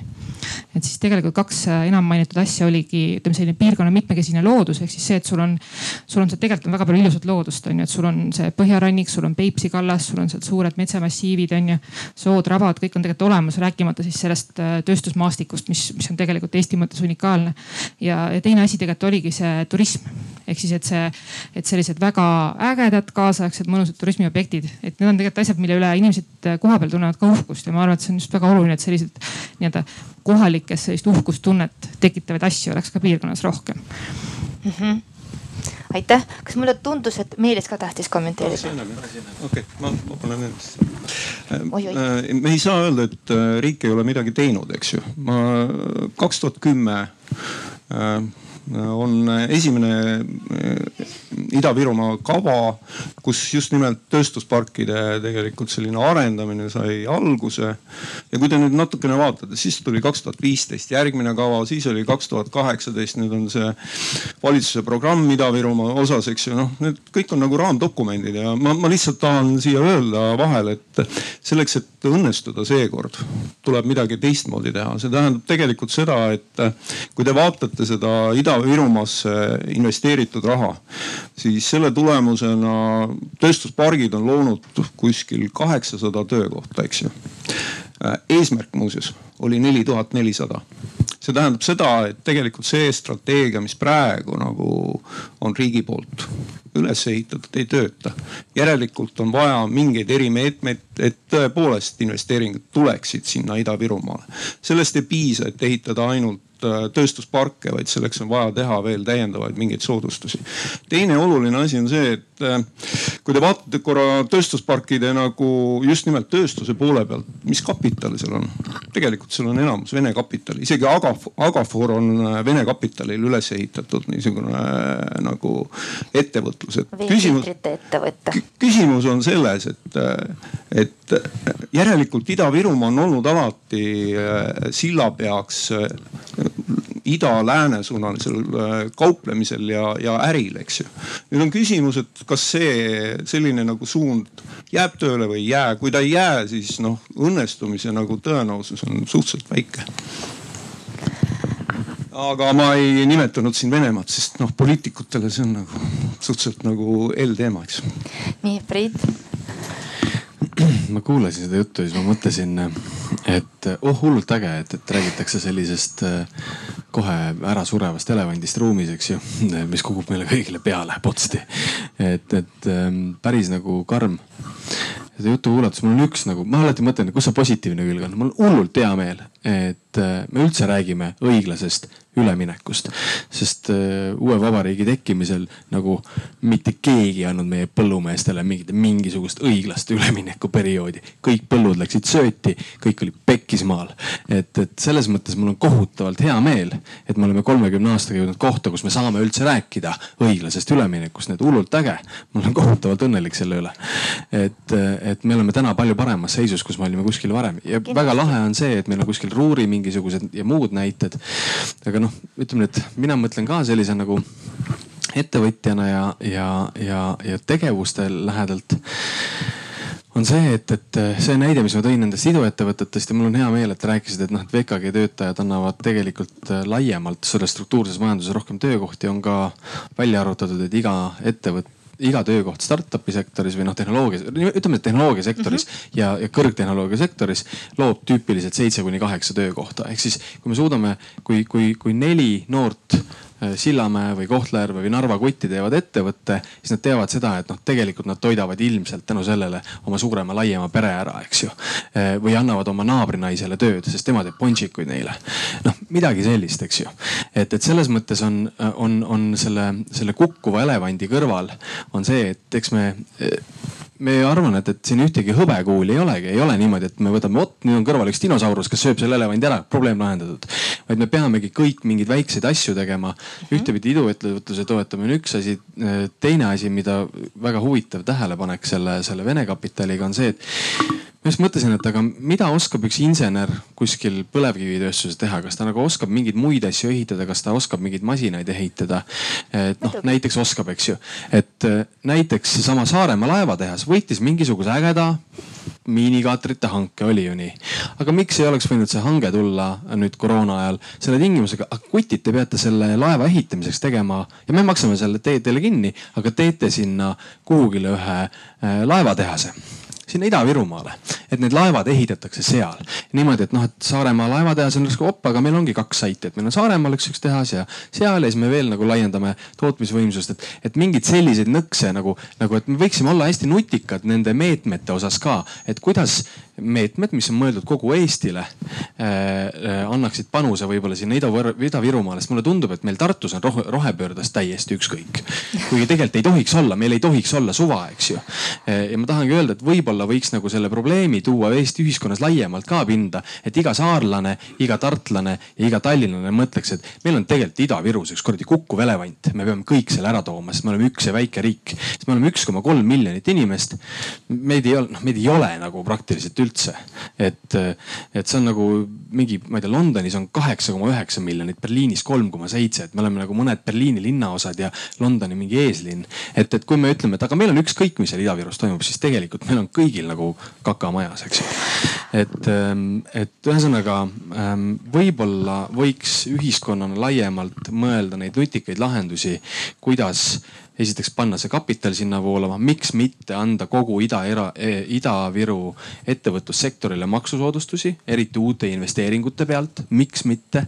noh, mõtleks nagu neid meetmeid, mis päriselt panevad selle pumba nagu teistpidi käima, eks ju. ja äh,, Veiko hästi kiiresti muidu, jah jah, hästi kiiresti ma ütlen, et äh, selles mõttes nüüd Tartul rohepöördes siis ükskõik ei ole, kui puidumassitootmise tehast äh, mõelda, et millele Tartu väga vastu oli. aga see selleks, tähendab, ma tahtsin mõned asjad siin äh, täpsustada, et, et see kõik on täiesti õige, mida. meil on vähem ükskõik, mulle tundub või noh, nagu põhimõtteliselt. no ütleme, et põlevkivienergeetikast on ükskõik, aga selles mõttes kodu ümber toimub, et see ei ole, noh kellelgi ei ole kunagi ükskõik. aga, aga ühesõnaga, et, et mis, et kõik, mis, mis te siin enne ka Priit rääkis, et on täiesti õige, aga vaadake, Ida-Viru probleem on läbi aastate olnud ka see, et kõik käivadki nädala sees pauku tegemas seal, Powerit, lahe, Eesti Energia juhtkond, Powerit Ida-Virumaale, sõidame Tallinnast tööle nädala sees, siis lähme koju tagasi sanatooriumide juhtkond, Powerit tegema nädala sees, siis lähme koju tagasi. tähendab, see pole meie mõte, minu mõte on see, et kas pere tuleb sinna kaasa, kas kodu luuakse sinna. et vot see on see, millest mina räägin, mitte et Powerit ma noh, Sirgalas on ka jube hea viivikonnas käia pilti tegemas kino tegemas, see oli lahe, aga kas ma sinna elama lähen? ei lähe. ja ülikoole puudutab ka see, et, et jälle kontekstist läheme natukene eemale, et, et ülikooli eesmärk ei ole mitte diplomit anda, ütleme, et üliõpilase või tähendab inimese minek ei ole ainus eesmärk sealt diplomit saada, aga suurim väärtus on see, kellega koos sa õpid seal.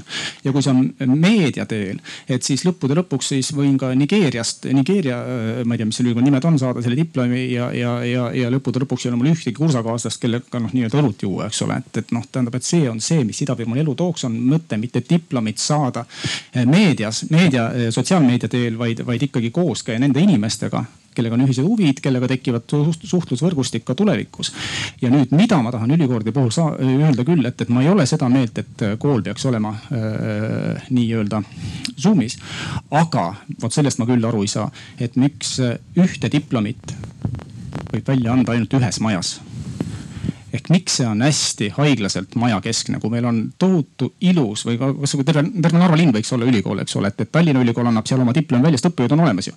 Tartu Ülikool annab diplomi välja, sest õppejõud on olemas, Tehnikaülikool annab diplomi välja, sest õppejõud on olemas, ruumid on olemas, aga kõigil peab eraldi olema. vot sellest ma aru ei saa, et tegelikult võiks küll see muutuda ja aitäh, nii Ivo. ma tahtsin kaks kiiret kommentaari öelda. Veiko jutt on selles mõttes puudutab tegelikult väga olulist aspekti, et me oleme siin ka praegu ja, rääkinud, ütleme siis üle tunni aja, kuidas tuleb teha seda ja toda ja kolmandatesse ja neljandatesse, aga vot see, millest ma alustasin, see kultuuriklastri point ongi see, et tõsta pilk üles ja vaadata kaugemale, et mitte mono mõtelda. ma tajun ka mm -hmm. siin praegu mono mõtlemise niimoodi, et, et tegeleme selle tööstuse ja tegeleme sellega, et Veiko puudutas olukorda, kus tõepoolest inimesed nädala sees on äh, Narvas, Ida-Virumaal Saaremaal, kus iganes tööl, nädalavahetusel sõidavad ära. miks nad sõidavad ära? sest seal ei ole midagi teha nädalavahetusel. ehk siis kultuuriklaster ongi see, mis toodab, eks ole, selle lisandväärtuse ja nii edasi, et sellepärast ma räägin, et seda kõike tuleb kompleksselt vaadata. et pelgalt sellest, et uhame nüüd tööstust teha ja teeme kõike seda, see ei aita mitte midagi, sest inimesed lähevad ikkagi ära, nad ei jäta seda raha sinna, nende palgast osa läheb Tartusse või Tallinnasse või kuhu iganes nad oma pere on loonud, jätnud tegelikult ja nii edasi, et, et see on kompleksne lahendus ja teine asi, mis ma tahtsin öelda strateegiliselt, see kõlab nihukese hoiatusena, aga selle õiglase ülemineku ja kõige selle puhul on ka see, et ehm, ma isegi ei tea, kuidas seda teha, see on selline turunduslik ja kommunikatsiooni ja selline PR-meeste nüüd nagu pärusmaa, aga ma näen nagu ühte väga suurt äh, probleemi kerkimas või sellist äh, noh, jah probleemi kerkimas, ütleme siis. et äh, me nägime seda, kui oli see kriisiaegne kriisipakettide osa ja oli korraks käis laual plaan Ida-Virumaale eraldi vist miljon või palju see oli kriisiabipaketi. ühesõnaga lubati jah. ja, ja siis Tartu ja teised tõusid tagajalgadel, mis mõttes Ida-Virumaale anda nüüd sinna raha ja mis meie oleme samamoodi vajame seda ja kõike seda, miks ta on eelisseisundis. et samamoodi ma arvan, et ma näen seda probleemi tõusmas, et miks Ida-Virumaaga nii palju tegeletakse, meil on siin Valga, eks ole mis nagu kängub seal ja nii edasi kuskil seal all. meil on Võru, meil on te teised kohad, eks ole Eestis, miks Ida-Virumaa nii palju peab saama? et selles mõttes ma arvan, et tõepoolest see vajab väga strateegilist kommunikatsiooni, et tõepoolest Ida-Virust ei saa olla ükskõik, sest see on mingis mõttes, ma ei taha nüüd öelda seda välja, aga ma ütlen ikkagi selline peaaegu et püssirohutünn. et seda peab käitlema ettevaatlikult. väga-väga nõus, mulle väga meeldis ja väga meeldis, mida, et kuidas Priit kogu aeg rääkis, et Ida-Viru on selline kokku kukkuv äh, elevant. mina ütleksin, et äh, ma ikkagi arvan, et Ida-Viru ei kuku. et meil on. mitte, mitte Ida-Viru, vaid see tööstus, see no, okay, rohepööre on meil nagu okay. sihuke probleem, eks ikkagi ei kuku, on ju Meelis, ikka te mõtlete välja, insenerid on alati ülimalt nutikad. aga mulle tundub, et see elevant on meil nagu üsna kõiguv selline. nii et äh, siis, kui ta kõigub ühele poole, siis terve see teeb. siis ta, kui ta jälle kuidagi püsib, siis ta oh, okei okay,, no okei okay,, hakkame nüüd nii kaua siis kirjutama. ainuke, mis mina tahtsin kommenteerida, on see, et äh, ma arvan, et me natuke jäime sellest äh,, ei puudunud seda küsimust, et äh, miks on tegelikult tööstusaladel ainult kaheksasada töökohta, kuigi planeeriti rohkem kui neli tuhat. miks kõik need tööstuse meetmed on tegelikult ei anna meile tuhandeid töökohti, sest see aeg, millal ühes tehases töötas tuhat inimest, on juba möödas. kui nüüd me hakkame panema uut kaevandust, uut tehast, siis seal töötavad robotid. seal töötavad neli inimest, kes äh, tulevad hommikul, panevad nuppu peale ja siis kogu tehas hakkab tööle. nii et äh, meil ei jäänud natuke, meil jäi natuke ajast puudu, aga ma refereerin, mida tegelikult Erki Anni pakkus. Erki Anni arvab, et just selle rohepööre vaatevinklist, et võiks Ida-Virus olla võib-olla põlevkivi kompetentsi keskusega koos rohetehnoloogia kompetentsikeskus. Ede Tamkivi, kes veab Eesti kaks punkt null initsiatiivi ja tegelikult korraldab ülimalt ägedat tehnoloogia suvelaagrit lastele ja noortele hüppelauda. tema ütles, et otse loomulikult haridus, sest jah, kõik näevad, et hariduse tase on justkui hea, aga aga pärast, mida inimestel teha, kuidas neil, miks nad ei, miks nad ei tohi või miks nad ei saa jääda Ida-Virusse, miks nad lähevad ära selleks, et oma ideed realiseerida. kui ma Vladimir Funtikoviga rääkisin, kes on äh, Creative Mobile asutaja üks väga hea tehnoloogiaettevõte, maailmas väga tuntud. et tegelikult ta hakkas arendama oma ettevõtet Narvas. aga siis ütles, tead Diana, mul ei olnud kellegagi kohapeal pitsat süüa ja arutada, mis, mis me teeme, nii et me pidime Tallinnasse ära minema nii et see kogukonna asi on ülimalt oluline ja samas ma olen Veiko sinuga, ma seda rääkisin alates kaks tuhat viisteist või millal hakati seda vabariigi tegevuskava kirjutada, kui öeldi, et vot paneme Jõhvi Viru vangla ja kohe tulevad kõik asjalikud inimesed Ida-Virusse elama ja elu on lill. ma ütlesin nagu nalja teete, nad teevad eh, esmaspäeval hommikul äh, teisipäev, kolmapäeva õhtu kuskil Jõhvis äh, kohvikus või pubis istekohta ei saa, sest kõik need äh, vangla töötajad on seal söömas, õhtut söömas. ja siis neljapäeva keset päeva hakkab selline rivi liikuma Tallinna poole. nii et otse loomulikult need inimesed ei jää sinna panustama piirkonda, sest see ei ole nende oma, nad tulevad kõrgendatud palka järgi või noh, koefitsiendi järgi, tööd, teevad oma tööd hästi ja lähevad koju, mis on super hea. nii et minu ettepanek, esimene, teeme igasuguseid asju, iduettevõtlus, tööstus, sotsiaal, haridus, kultuur. et see elevant, teda kuidagi püsti panna, püsti hoida nagu erinevatest niitidest ja teine maksame selle lisakoefitsienti kohalikele inimestele, et neil ei oleks pointi ära minna. et nemad teaksid, et siin piirkonnas neil on leiba iga päev ja nad võivad arendada oma ettevõtet, nad võivad uh, uut uut kooli ehitada, kui meil hetkel ei ole Ida-Virus ülimalt ägedat haridusinstitutsiooni, ma mõtlen näiteks lastele. aga Tallinnas on juba avatud äh, Kalamaja avatud kool, on Suvemäe kool. miks mitte, see oli kõik kodanikualgatus ja nüüd on meil natuke aega jäänud, ma tegelikult ülimalt tahaksin, Mare, ma nii vaatan sinu peale, ma väga tahaksin, et sa natuke kommenteeriksid hariduse valdkonda, just selle digitaliseerimise osa. kaks minutit, ainult kaks minutit. tule siia palun akvaariumisse, me kõik räägime akvaariumist, nii et näed, Ivo annab sulle mikrofoni, nii et Mare Rosileht, Virumaa, TalTech Virumaa kolledži direktor. nii aitäh, võib-olla ma enne kui digitaliseerimise juurde lähen, et, et siin oli küsimus, et pered lähevad ära. on üks just hariduse kontekstis üks põhjus, miks, miks nad ära lähevad tegelikult nad lähevad ära, sest nende pered on ju mujal. Nad jääksid Ida-Virumaale, kui nende pered on siin miks nende pered ei ole, ei ole siin, suur osa perest ja kõige olulisem osa perest on ju lapsed. miks nad ei tule oma lastega siia, sest nad ei usu, et nad saavad piisavalt head haridust oma lapsele.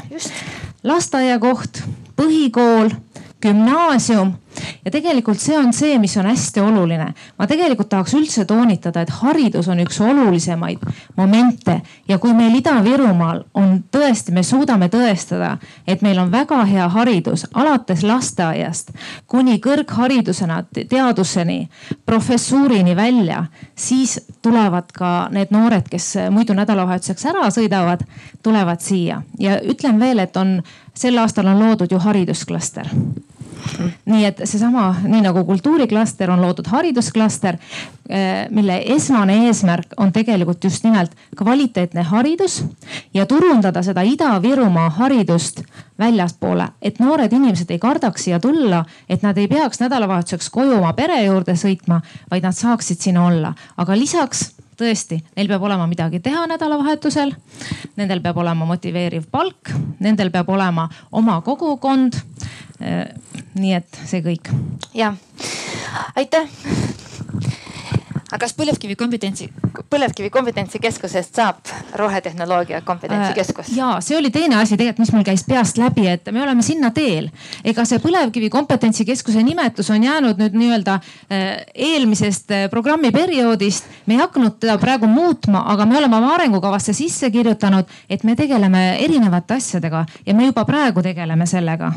nii süsiniku teemaga, õiglase ülemineku, kõik erinevate rohemajanduse teemadega, me juba tegeleme sellega sellega, et küsimus on ainult nimes. aitäh. nii et äh, lugupeetud publik, et äh, võtame jälle oma meelsuskaardid ja hakkame mõtlema, kas äh,, mis te arvate, kas Ida-Viru peab olema see eriline koht, kuhu tõesti riik peab kuidagi eriliselt panema äh, oma programmi, oma lisarahastuse. kuigi ma ütlen ühte asja, mis äh, ma mäletan veel oma riigiteenistuse nii-öelda elust, et äh, ma alati arvasin, et jah, Ida-Virukad nõuavad liiga palju, me muudkui käisime ministeeriumites ja midagi, midagi kogu aeg nuiasime. ja siis ma nägin, kuidas äh, Setomaalt tuleb terve kamp, nad isegi ei näinud meid, trampisid mööda uks lahti, oma laulud, oma kõik, ma ütlesin, aa niimoodi see käib siis. ütlesin, et me olime liiga viisakad siis. nii et äh, mis te arvate, kas Eestil peab olema nagu üsna suva, mis Ida-Viru, tegelikult sada kolmkümmend kuus tuhat inimest elab Ida-Virus, sada kuuskümmend üheksa elab Tartumaal. nii et kunagi Ida-Viru oli teine maakond, nüüd on, me oleme kolmas. Brons on ka väga hea nii et mis te arvate, kas on äh, suve või justkui tuleme kõik Ida-Virusse. Äh,? objektis on töökohti. Ja koostöökeskus, kümme eurot päev. ah kummastult kaamera võtab? Ja, ja. Näed, on kollane, aitäh aususe eest, ma arvan, et see on kõige ausam, mida me peame tegema. Ja ma soovin jõudu tõesti meie riigiametnikel, sest teil on väga suur pinge, sest nagu näete, inimesed tegelikult ka juba väljaspoolt Ida-Viru ehk tartukad juba said aru, et nad peavad toetama Ida-Virumaad. ja ma loodan, et Priit juba järgmine ettevõte, Priidu ettevõte või vähemalt investeering peab olema Narvas ma näitan näpuga, kuhu võib panna nii et ja siis tehased ja kõik tuleb ja lihtsalt hästi kiiresti, et Davai. soov, et oleks rohkem neid nii-öelda lennukaid ideid, rohkem julgust ja ma usun, et riik on ka nõus riskima teatud, teatud meetmete puhul. et kõik ei võigi, ei pruugigi minna väga hästi, aga seda riskivalmidust meil küll on proovida uusi ja selliseid lahendusi, mida pole veel proovitud aitäh, ma võtan kohe seda kuulda ja esmaspäeval kirjutan teile kirja, et mul on küll need riskiideed väga palju. nii, aitäh teile kõikidele, kui midagi. Jana at predadram.ee võite kirjutada. Priit, Meelis, Kaire, Veiko, Lauri, Ivo ja Mare. aitäh